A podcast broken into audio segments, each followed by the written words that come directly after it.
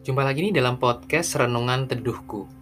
Podcast yang berisi tentang renungan singkat dari firman yang kita baca dan kiranya bisa jadi berkat buat kita.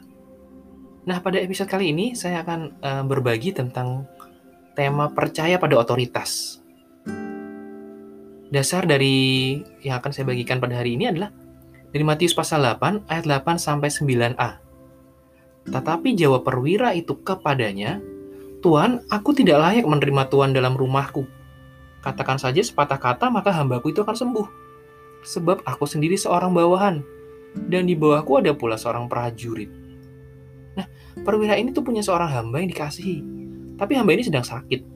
Lalu dia memohon kepada Yesus agar dapat disembuhkan. Akan tapi perwira ini tidak meminta Tuhan Yesus harus ke rumahnya. Karena dia percaya bahwa Yesus berkuasa, bahkan perkataannya itu mempunyai kuasa untuk menyembuhkan.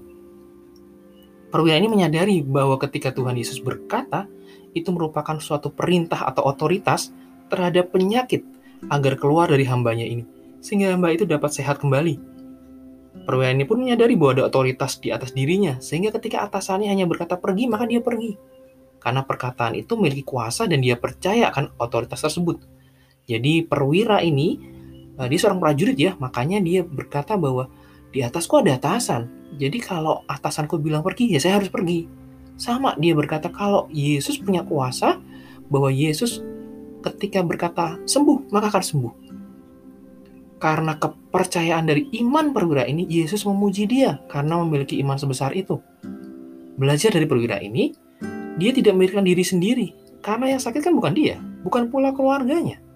Tapi justru hambanya tapi dia tetap berjuang dan beriman untuk kesembuhan hambanya. Bahkan tidak hanya itu, perwira ini pun membuat Tuhan Yesus heran karena dia percaya sepenuhnya dengan perkataan atau firman-Nya.